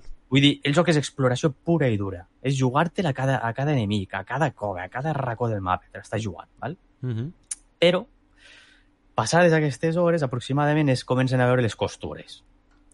Llavors comences a veure que enemics repetits fins a l'infinit, coves iguals, catacombes duplicades on només canvien dos passadissos, Hòstia. o un tram final bastant forçat són algunes de les coses que m'han fet avorrir el títol. Llavors, l'altra pregunta que es faria molta gent és, llavors, realment es perd tant el joc? Eh, la meva resposta és no. o no per tenir les notes que va tenir. Per què ho dic? Home, és que tot, tot eren deus. Ja, ho, ja ho vam Clar, estar clar, clar, parlant això recordem, que, que era sí, una mica recordem la sospitós. matraca que, va, sí, que, van, que ens van fotre, eh? Tot era 10, 10, 10. Vale, pues, més enllà de temes tècnics com ara gràfics reguleros en molts moments, popping, eh, frames per segon, etc. Mhm. això està. Eh? El gran problema que he trobat és que el joc no enganxa. Ah, no? I per què no enganxa? Doncs per la falta d'una història que et porti a jugar-lo. Vale, vale, vale. A Elden Ring m'he trobat un joc que no m'ha explicat gairebé res en les 130 hores de joc. Llavors és molt difícil jugar un joc on no entens res. On no saps què hi ha darrere de cada acció. És molt difús. Vull dir, expliquen quatre coses, val? sí, d'una guerra, uns germans que hi ha per allí, vale? no faré més spoilers, bueno, és que tampoc hi ha molta cosa que he dit, ja t'ho dic ara, però bueno, i ja està. Llavors, la motivació que tenia per, que, la motivació que tenia per jugar era, no era la història, era per veure eh, nous castells, perquè estan ben recreats, això sí, algun poble, alguna cosa, enemics diferents, això, els enemics eh, que són els, els, els big bosses, digues, els enemics grans, sí, Sí, que sí. Estan, eh, estan ben recreats, estan molt bé, són, són curiosos i tal, però ja està. Ja. Eh, de fet, això no és cosa meva, eh, això tenim un grup de Telegram que vam fer a, a, per, per, per, com a, el llançament del joc i poder parlar i donar-nos consells i tal i qual. Ah. Són, hi, ha, hi, ha, hi ha molta gent experta, no? Que s'han passat tots els souls i tal. Mhm. I encara hi ha gent que se l'ha passat i no entén el joc. O sigui, que això és, veig que és una habitual, saps? De traca, tu. Eh, sí, i ja la mala llet és, és els finals. Que, que sí, que hi ha més d'un, ja, ho ja ho dic ara, eh? no, no, és, no faré cap spoiler, però hi ha més d'un final, val? Eh, que en lloc d'explicar-te les coses, no, al final, dius, hòstia, pues, bueno, després de 130 hores, no, pues, m'explicaran eh, què he fet, no? O sigui, m'explicaran alguna cosa. Doncs no, són finals d'un minut de cinemàtica, un minut i, i estic dient molt, eh? I ja està.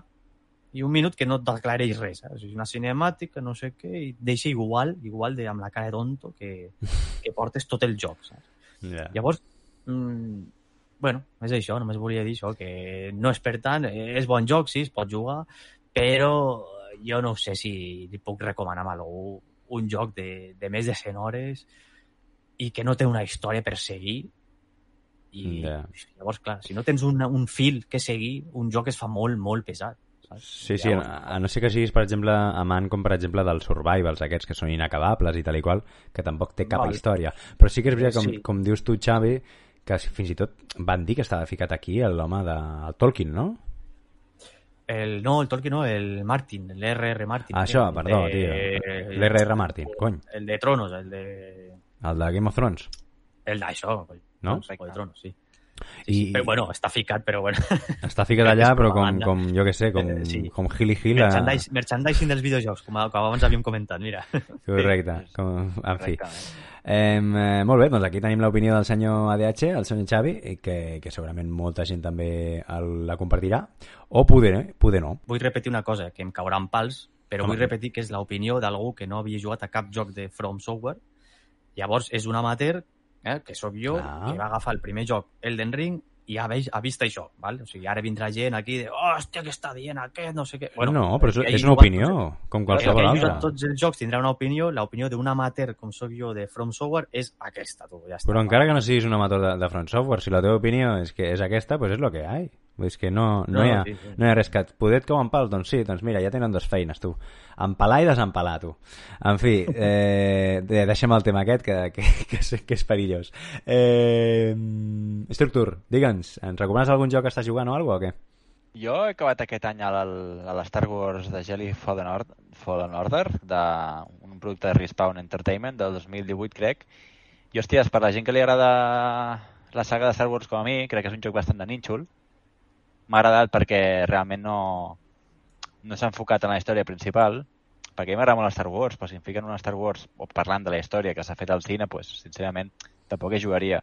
Però han fet històries, històries paral·leles, que això m'agrada al món de videojocs que ho tracti, i m'ho he passat, la veritat que molt bé, és molt complet, uh, tampoc han sigut gaires hores, ara no recordo, però per la gent que li agrada el món de Star Wars uh, crec que és un bon producte. Uh, m'ho he passat molt bé uh, i crec que fa poc van sortir anuncis no? de, que faran la nova... Sí, la segona part. Sí, sí, sí. la sí, segona sí, sí. part i, i bueno, és això, crec que és un, un joc de nínxol per amants de la saga, per amants de, de jocs de plataformes i tal, està, està superbé, està molt complet, la veritat. I ara, acabant aquesta recomanació, he començat a Kojima Productions, el Death Stranding, perquè tu molt bé me'n vas parlar i molta gent me n'ha parlat molt bé i a mi que m'agrada la ciència-ficció, pues, crec que és, una bona, és un bon títol per jugar, ja us aniré comentant perquè se m'allargarà, però per lo que he jugat l'he gaudit molt, la veritat. Estic molt content i Molt bé. recomanable 100%, sense ficció pura. Perfecte, sí, sí, ja veuràs com, com ens en parlaràs meravelles. Eh, seguim amb les recomanacions d'estiu, podríem dir-li. Carlos? pues mira, un joc que el vaig gaudir molt per Nintendo Switch i us recomano, si us agraden aquest estil de jocs, és el Paper Mario de Origami King. Ostres, Eh, és un joc, ostres, és, um, jo no, no recordo haver jugat a cap Paper Mario, em sembla, en el passat, a ca- a cap plataforma, i, ostres, està molt xulo. És d'una durada mm, guai, potent, eh, ara mateix no recordo, però bueno, al voltant de les 50 hores. Hòstia, i te l'has acabat? Sí, sí, sí, sí, sí. Hòstia. Sí, sí, és, és molt estrany, eh? O sigui, igual, Ha de ser igual bo, ha de ser bo. passat, eh? Són, són 40, potser. Bueno, ara no ho recordo, però més o menys aquesta durada, eh? Doncs penya, ha de ser molt bo, eh? Sí, sí, està molt guai perquè la, eh, est- està molt bé perquè el sistema de combat és molt... Hi haurà gent que li agrada i hi haurà gent que no, però és curiós, és xulo, és diferent, és divertit. El sistema de combat també contra els bosses també és molt divertit. I com no, la narrativa és molt catxonda, és molt, la història és molt divertida, és, eh, es, es fa molt, molt disfrutona. I a més mola com integra la narrativa amb el que és el món de paper, no? Eh, per exemple, en enemics, tenim enemics com una grapadora o bueno, coses així que bueno, està, està guai, és, és divertit, és divertit. Està molt... I els tots, el paper que tenen, bueno, està molt, està molt guai. Està molt guai, hi ha molta diversió i, i el, i el joc té també una progressió a nivell de combat i, i unes mecàniques que tenen el seu rol, no? doncs està, està molt bé, està molt xulo. l'estil és super divertit. Jo aquest joc sí que vaig com el van treure i l'estètica del paper és xulíssima, està molt ben fet. Sí, és brutal, és brutal. I a més, va, com el que dic, eh, va acompanyat d'una història supercatxonda que, que jo he arribat a riure mogollon eh, amb el joc. I no és fàcil això, eh, amb jocs d'aquest estil. És un humor guai, no és un humor de, de nen petit, perquè ens entenguem. Està xulo. I després un altre, ja per tancar, que recomano que és un joc molt curtet, que l'haureu vist molt por ahí ara, últimament a xarxes, és l'Stray, Stray, el gatet. El del gatet. El gatet. Sí, El aquest gatet. la, bueno, ja, ja, li tenia moltes ganes perquè bueno, ja la temàtica ja em cridava molt eh, i no m'ha defraudat gens, la veritat. És una història molt, molt, molt xula. És un joc, eh, no us enganyaré, és senzill, és, les mecàniques són d'estil puzzle, però l'ambientació que té és espectacular. Eh, I la història i la narrativa és boníssim. El joc és boníssim, des del meu punt de vista. I li vaig dedicar unes 6 hores. No vaig anar full, també us ho diré. Vaig anar amb la calma, molta exploració, a gaudir-lo. I m'hi vaig tirar unes 6 hores. O sigui que és un joc molt assequible. Amb un parell de tardes, fotent-li gas, ja el tens. I, i per mi, bueno, un, és un dels d'aquest any eh, bàsics que s'han de jugar. Sí? Uh, un goti o què? Home, eh, jo Ostres. per mi sí, perquè per mi, bueno, ja la gent pensarà, hòstia, un goti, un joc de, de 5-6 hores, bueno, per mi Bueno, ho val com... pot ser, pot per, ser. Per, per mi ho val com un dels meus jocs favorits és l'Inside, que és un joc que en 4 hores també te l'acabes. Hòstia.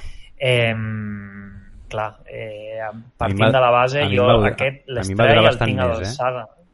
Et va durar més? Sí, Eh, sí, sí, però perquè clar. jo A, soc... a mi bueno, també, a mi també. Uf, em el va durar potser. Sí. unes 12 hores, em va durar. eh? Sí, no no t'enganyo. Sí, depèn de lo que et moli la- la- l'exploració i tal. o de lo sí, si tonto que siguis, també, 100%, eh? evidentment. Sí, bueno, clar, això ja puzzles ja passa amb el gat, també vaig fotre mogollon de voltes per Uf, coses que dius, hòstia, a vegades em costa allò, a mi. saps? Sí, sí. Sí, però bueno, eh, jo per mi és dels millors d'aquest any. Molt bé. Doncs Sí. queda dit, queda dit. Eh, dono la paraula a la DH i, si us sembla, rematem-ho. Vinga, som-hi.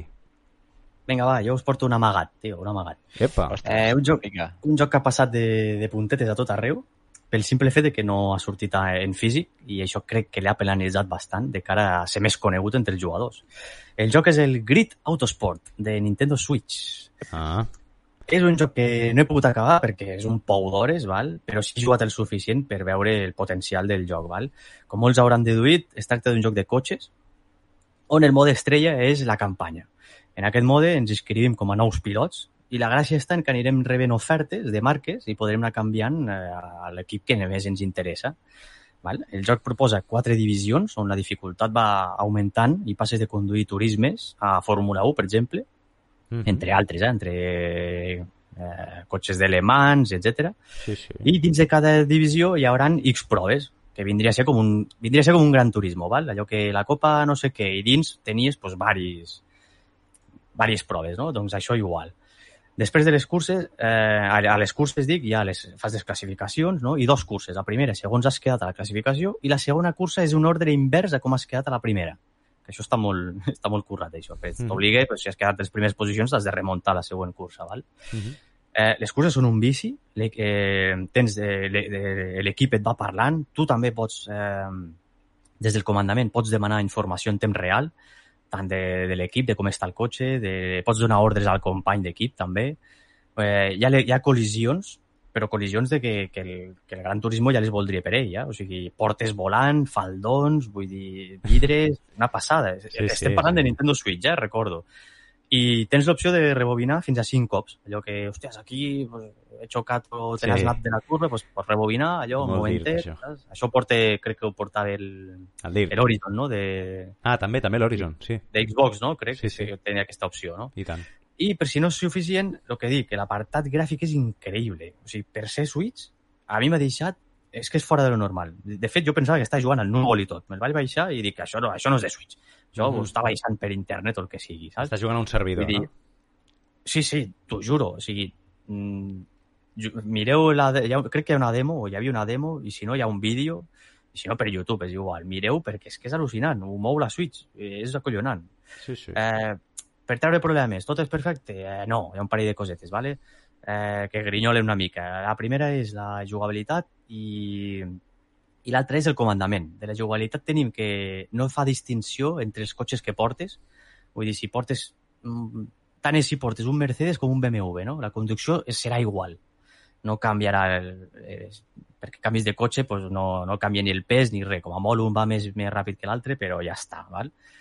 i pequen una mica de sobreviratge. El joc, bueno, la conducció pues, no és un gran turismo, no és un simulador ni res. Pues, bueno, una mica té els seus problemilles de jugabilitat, però bueno, eh, res important. Val? Mm. Això sí, el que m'ha grinyolat més és el comandament. El comandament del... Jo jugo amb, amb el comandament Pro de la Switch. Sí, el negre aquell, Val. no? Eh, sí, ja sé que aquí em cauran pals de molta gent que el defensa com el millor comandament, això no ho entenc, però bueno. Ah, Però hòstia. com que, no té, com que els botons superiors no, té, no tenen recorregut, saps? Doncs l'experiència en un joc de conducció és pèssima. Clar, bé, no, Ah, tens el gatillo, no? Pots, clar, no pots jugar, entrar a l'apurat a la curva i, i sortir de la curva accelerant una No, miqueta. a part si vens del DualSense, tio. Puf. Clar, llavors el recorregut és importantíssim en aquests jocs i això no ho té. Però que són dos detalls, o sigui, són dos tonterietes, el joc és una passada, eh, per fer partides ràpides fins i tot, baixeu-lo perquè per Switch és una delícia. Perfecte, molt bé. Eh, doncs jo que del Grid havia jugat aquesta IP. Crec que en Play 3. I la veritat és que estava sí. prou bé. Jugues molt amb els derrapes, està guai. Està guai, la veritat. Eh, doncs, companys i companyes, amics i amigues, hem arribat al final eh, del podcast, d'aquest eh, número 12, aquesta final de temporada. Eh, primer de tot, eh, donar-vos les gràcies, eh, Marc Structure, per, per venir avui de convidat, eh, també home i col·laborador i forma part de l'univers. Moltes gràcies, tio. A vosaltres, un plaer. T'ho has passat bé?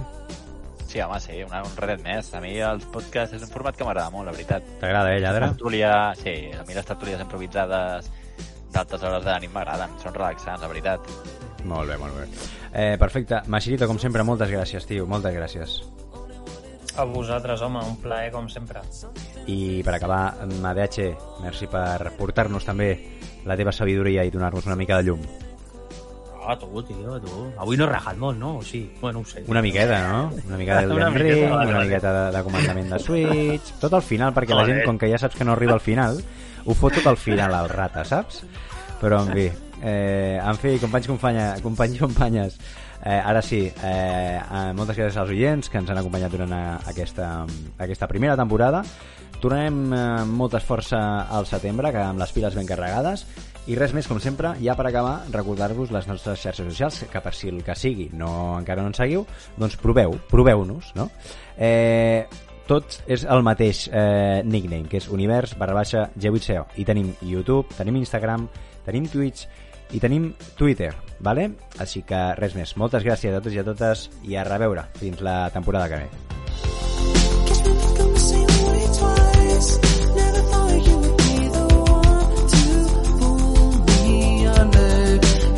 kinda to myself now that